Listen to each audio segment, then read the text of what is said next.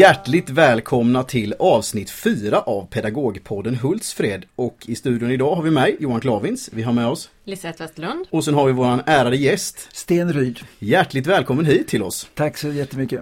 Eh, jag har fått äran att höra dig här nu på förmiddagen och det var ofantligt spännande. Jag har aldrig hört dig förut. Däremot så har jag försökt läsa på lite om dig nu innan då med.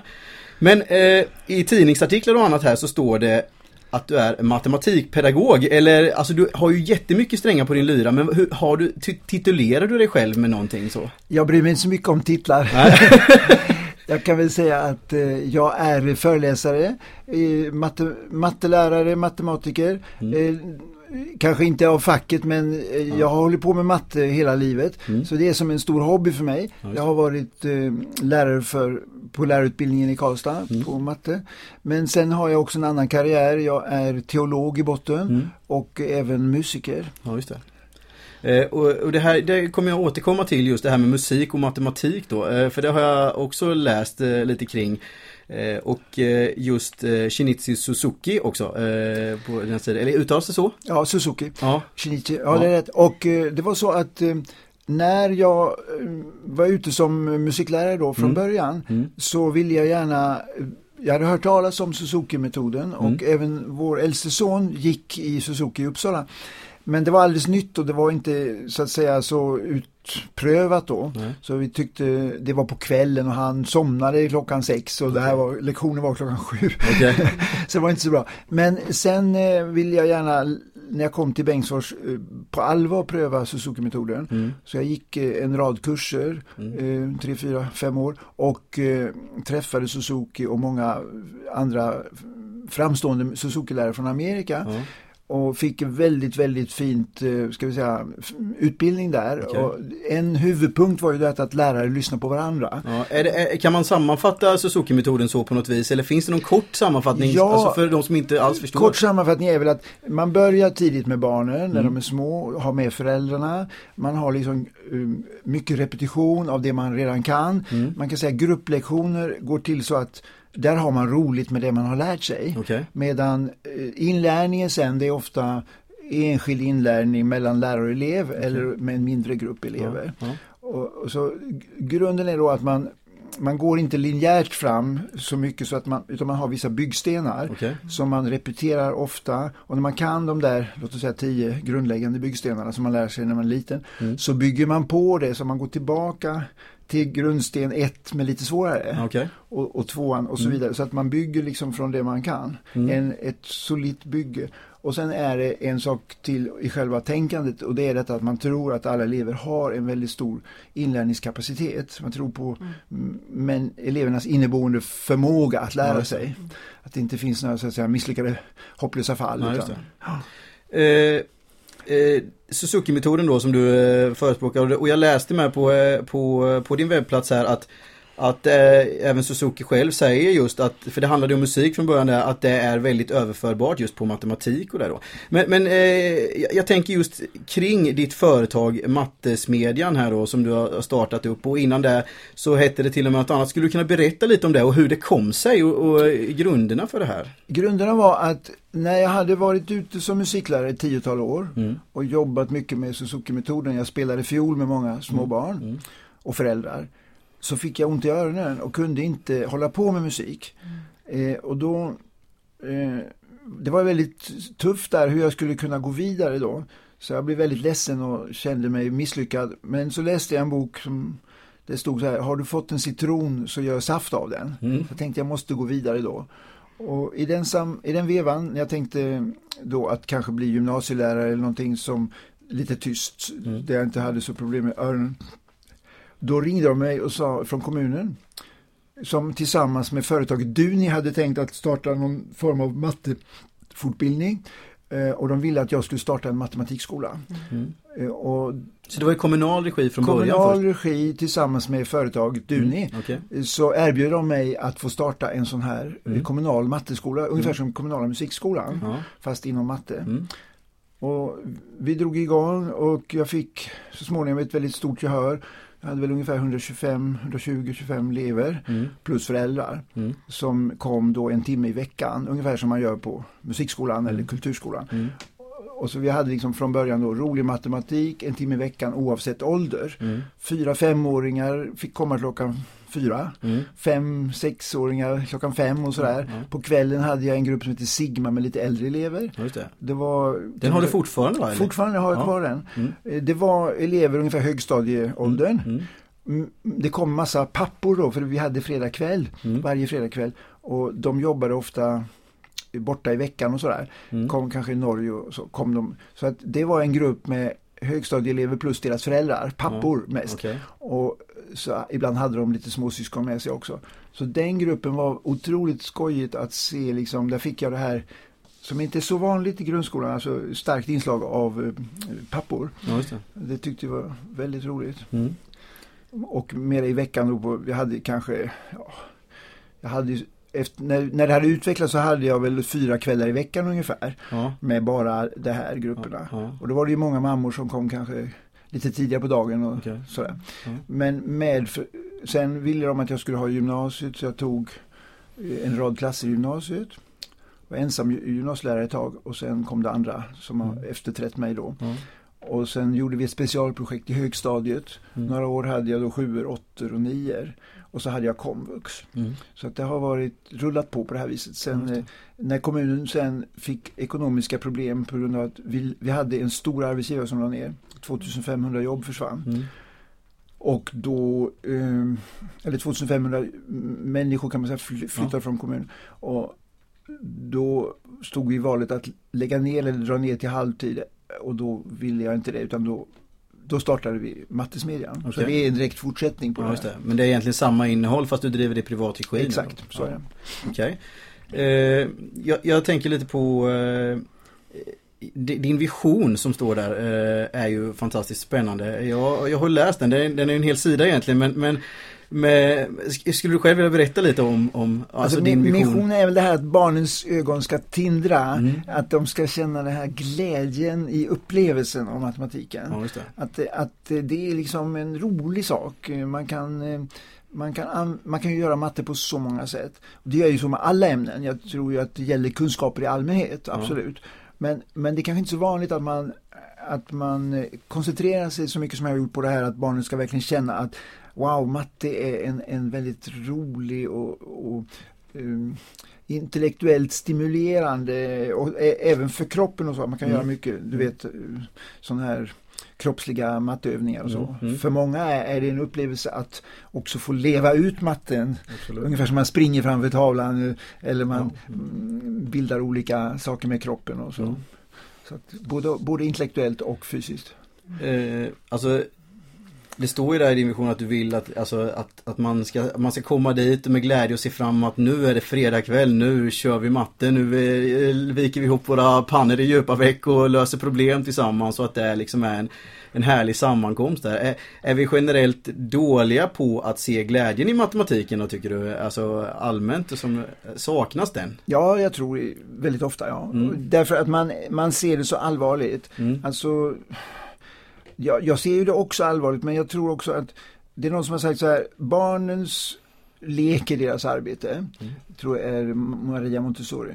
Och eh, barnens lek är deras arbete. Man kan också säga att det gäller för vuxna att, att se sitt arbete som en lek. Alltså att ha roligt när man jobbar. Mm. Eh, det kan man också göra även om man har ett tråkigt jobb så kan man ofta hitta synpunkter, möjligheter inom sitt jobb. Det är inte bara att liksom byta utan och jag tror också när det gäller att vara lärare, att vara undervisare, pedagog, att hitta de här sakerna där vi har roligt tillsammans. Där glädjen så att säga, det behöver inte vara att man spexar utan det är att arbetsglädje kan man säga, eller Mm. studieglädje Mm. tillsammans. Mm. Den, det är något som berör människan väldigt djupt det här. Att känna, wow nu förstår jag, nu har jag lärt mig lite mer här, jag börjar att och ju mer man lär sig desto mer märker man ju hur lite man kan. Ja. Så det är inte det, Nej. utan det är det här, det är inte att bli en stjärna, att vara bäst, Nej. utan det är att, eh, att få, få del av en värld som man upptäcker, Mm. som är fascinerande. Hur gör man då för att hitta den här glädjen? Man liksom undersöker, börjar i lite olika hörn. Man kan säga att man går runt och visar sina elever i den här matteskogen vad som finns här. Mm. Här finns ett vackert berg och en utsikt. Man tar med dem. Mm. Eh, man går tillsammans. Eh, för att de har aldrig, de vet ju inte det från början Nej. vad som finns. De har sett vissa saker och så visar man mer och så tar man, jag menar som lärare då så försöker jag att hela tiden fortbilda mig själv. Mm. Det är det va, läsa, lyssna på andra, undersöka och inte minst genom att man undervisar mm. så får man så stor glädje av det som eleven och föräldrarna tillför. Mm. För ofta är det saker man inte har en aning om mm. som de sysslar med.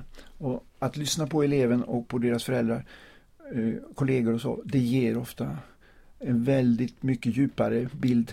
Sen kan man ju då, som, som jag gör, då man, man läser ständigt olika, ska jag säga, om olika matematiker, deras eh, pedagogiska idéer. Och mm. Jag läser mycket sån managementlitteratur också mm. kring eh, hur kan man lyckas både i livet och med undervisning och med företagande och så vidare. Mm. Så, kreativitet. Du framhåller också vikten av att ha idoler i matematiken mm. också, eh, tänker jag. Det, det tyckte jag var en spännande tanke. Jag tycker att det här att eh, läsa om det är ofta vanliga killar och tjejer. Eh, man brukar säga att de största matematiska upptäckterna görs av matematiker som är mellan 15 och 25 år. Det är då de är som mest kreativa. Det är alltså eh, inget speciellt att man ska liksom vara en gammal gubbe på 65 år och då kommer det. Okay. Utan det är, hjärnan är ju sån att när man är ung och eh, intensiv, det är då man kan, man kan hitta de här nya sakerna. Så jag tar upp sådana här, deras livsöden, ja. berättar om dem. Eh, väcka spänning hos barnen? Väcka spänning ja. hos barnen. Mm. Se liksom att våra idoler här, de har gjort det och det. Ja. De var vanliga killar och tjejer som tyckte att, att matte var någonting att satsa på. Ja. Så då blir de liksom förebilder. Mm. Och sen vi kommer en liten vad hette den där, han med båtarna? Ja, ja det var Archimedes, ja just det, Archimedes. Ja, ja. Mm. Då har jag berättat om vissa saker i deras liv och så. Mm. Jag tycker precis som man har rockidoler och andra idoler så kan man ha matteidoler, förebilder. Tror du att vi många gånger håller barnens ålder i, som en nackdel för dem? Att vi inte tror att de förmår eller förstår eller... Hur menar du med ålder? Nej men att, att vi inte förväntar oss att mm. de ska kunna ja, jag tror det. ta till sig för, för, för lite förväntningar. Ja. Alltså, jag, jag tror först och främst så talar jag om för eleverna att även om du just nu kanske inte kan så mycket matte mm. så kan du lära dig, jag tror att din förmåga här, jag märker säga att din inlärningsförmåga är stor. Mm. Eh, du kan, ofta kan de spela fotboll, de kan göra många olika saker. Mm. Eh, du har lätt att lära olika saker. Mm. Om du vill kan du lära dig jättemycket matte. Det beror på dig om du tycker det, vi satsar på det. Så, så hjälper jag dem då. Men jag liksom utgår ifrån att alla ni som sitter här är duktiga. Mm. Det, det räknar jag med. Ja, på allvar alltså, jag ja, tror det. Ja. Men sen måste man ju hjälpa dem att utveckla det. Mm, mm. Och det går inte utan arbete utan. Men det vet de ju själva också att lägger man inte ner någon träning mm. då kommer du ingenstans. Nej. Men jag tror ju att verkligen att det är så att förmågan utvecklas och förstärks mm. när man tränar. Mm. Så att det är inte bara så att man har den från början utan man, man utvecklar den. Eh, I, I, din föreläsning här nu då så har ju du visat på eh, massa saker som jag själv har gått igenom i skolan men det är aldrig någon som har visat det på det viset du har visat det nu. Du har visualiserat och du förordar praktiskt matte på mm. alla möjliga vis. Mm. Och att prata matte eh, väldigt mycket med varandra då.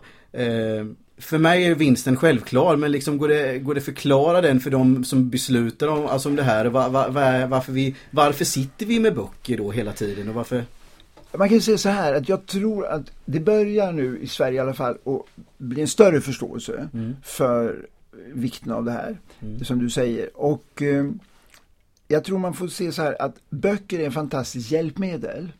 Men en bok kan aldrig vara så att säga en färdig lärare. Mm. Utan det är lärarens person. Det här att man har en levande kontakt med en lärare som är så viktig. Och att om man då märker att den här läraren är en engagerad person. Mm. Sen kan man givetvis, en del elever och andra kan lära sig otroligt mycket genom att studera matte. Och det gör man ju. Så det är absolut inte, jag är inte på något sätt motståndare. Men jag är motståndare mot att man tror att man lutar sig mot en lärobok och tror att den bästa metoden är att låta eleverna sitta och läsa själva. Mm. Utan jag tror att undervisningen ska vara sån att man man samtalar, man visar, man ger uppgifter och också att man, att man ger det här att man liksom Aha, vad har du gjort nu? Har du gjort det här? Hur, hur tänkte du när du gjorde det? Och så vidare. Så att, man, så att man har en dialog kring det de har jobbat med. Eh, så att de får kredit för det de har gjort hemma och man måste jobba enskilt också. Mm. Men jag tror att den miljö som är i skolan där det är lite stökigt och så är inte en bra miljö att sitta och tänka man behöver ett lugn och ro. Mm. Och är det så i klassrummet så kan man visst använda en hel del tid att sitta och arbeta enskilt. Men eh, själva undervisningen, som jag ser det, så är det två moment. Det ena är den här undervisningen då man förklarar eh, tillsammans, får klart för sig vad som gäller, eh, den nya matematiken som man går igenom. Och sen är det då det här andra att man har roligt tillsammans med det som man nu redan kan. Förstärker det, använder det som ett redskap i att lösa problem. Mm. Och då, hur ska vi lösa det här problemet? Är det någon som kan komma på Ja, vi skulle kunna använda Pythagoras sats. Ja, bra. Hur var det med den? Och, och så vidare. Alltså att då plockar man fram de här verktygen som man har haft. Då löser vi det problemet med det och så vidare. Är skolan generellt dålig på detta, alltså idag? Man är inte så van vid det, nej. nej. Man, det kommer nog mer och mer, men att det här är en metod som, jag har inte varit i Japan och som jag har läst mycket om eh, undervisning i Kina och Japan och genom just Suzuki-metoden så har jag praktiserat det. Så kan man säga att vad vi gjorde där i Suzuki-utbildningen det var mycket det att vi hade elever på plats. Vi undervisade, eh, en lärare undervisar, alla andra sitter och lyssnar. Fokus ligger hela tiden på att hur kan vi lärare bli bättre på att undervisa, lära ut konkreta läropunkter. Mm. Och då kan man säga att fokus på det har vi varit dåliga i svenska skolan. Eh, man har gått lärarutbildning men man har inte fått lära sig hur undervisar jag konkret i det och det och det och det mm. inom matematiken. Mm. Mm. Utan det har mera varit allmän pedagogik. Det här att liksom lyssna på eleven och tvåvägskommunikation och, mm. och allmänna so viktiga saker. Men man har tappat liksom den här, det vi kallar för didaktiken. Mm. Den håller man väl på förhoppningsvis att återerövra på lärarhögskolan nu. Mm, Men det har varit väldigt mycket flum där. Mm. Många lärare som jag har pratat med som säger att vi fick inte lära oss någonting om hur man skulle undervisa. Mm. Under tre och fyra år. Man fick lära sig vetenskapsteori och man fick lära sig eh, andra sådana saker. Mm. Men själva det här, hur lär jag ut matte? Mm. Det, det, var inte med så mycket. Jag jobbar ju som specialpedagog på högstadiet och Eh, genom de åren som jag har jobbat som det så har jag mött ganska många elever och föräldrar och pedagoger som har en matteskräck. Mm. Som är totalt livrädda inför matematik. Hur, eh, hur kan man hjälpa dem eller hur kan ja, man möta dem? Jag möter ju väldigt många sådana och ryktet sprider sig väl att man kan ta kontakt med mig så att genom åren har det varit väldigt många sådana. Mm. Jag brukar göra så här att först så brukar jag prata med dem mm. och allmänt sådär och se vad de tycker är roligt i livet, vad de, om de har några saker som de tycker är... Och jag försöker leta efter sånt som de är bra på. Mm. Och inte fokusera på det de har problem med utan gå på andra saker. Uh, mm. Men ofta är det där att man tragglar med det de inte kan. Ja. Och inte har fantasi att gå andra vägar. Mm. För det, går inte den vägen, men då ska inte, gör man på nytt det som man visar sig inte fungerar så bekräftas det bara på mm. nytt och på nytt. Mm. Och då blir det liksom en ond cirkel. Mm. Det är, det är min erfarenhet att jag går via det de är bra på, försöker hitta andra vägar, sätter igång en effektiv träning. Eh, som avslutning på den här intervjun skulle vi, alltså Lindblomskolan här nu då som du har föreläst för idag är ju på väg in i det här projektet med Mattelyftet då. Och om du får ge några få eh, alltså, tips som någon ska tänka på. Inte bara Limnoskolan förresten, för man kan ju tänka att resultaten i totalt i skolsverige i matematik ser inte så lovande ut. Alltså kan du ge några tips på framgångsfaktorer? Hur ska man göra då för att lyckas? Eh, alltså... om, om, du vill, om du kan skicka med dem någonting, om det enda de tar med sig? Ja, jag tror att det, det, A och O är att man jobbar med sig själv. Mm. Alltså det att man som lärare tänker så här, om jag jobbar med att bli entusiastisk själv, mm. då smittar det av sig. Mm. Så att det är inte så mycket att tröka med eleverna som att jobba med sig själv. Att då känna att genom det här projektet kan jag fortbilda mig så att jag får verktyg och sånt och, och upptäcka, alltså försöka hitta äh, äh, glädjen själv mm. i matematiken. Mm. Då är det så mycket roligare att sen, man vill liksom ge det vidare. Det kommer mer av sig själv då. Mm. Det, det, det är den här, eh, vad kan du påverka? Mm. Jag kan inte påverka vädret. Nej. Jag kan inte påverka direkt mina elever. Men indirekt, Mm. genom att påverka mig själv. Mm. Så kan jag också eh, mina kollegor och så vidare. Så lyssna på andra och försök påverka dig själv.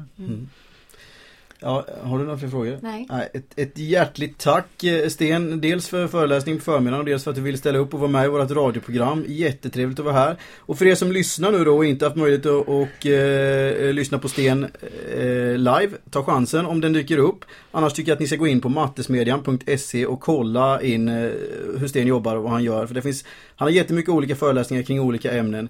Eh, och ett spännande ämne som jag egentligen skulle kunna lägga ett helt radioprogram är, är eh, att han, Sten har en föreläsning som heter barn älskar matte tills vi vuxna ingriper. Den tycker jag är fantastiskt bra. Eh, så vi tackar så hjärtligt för att du ville vara med oss. Tack för att jag fick komma. Tack. Hej.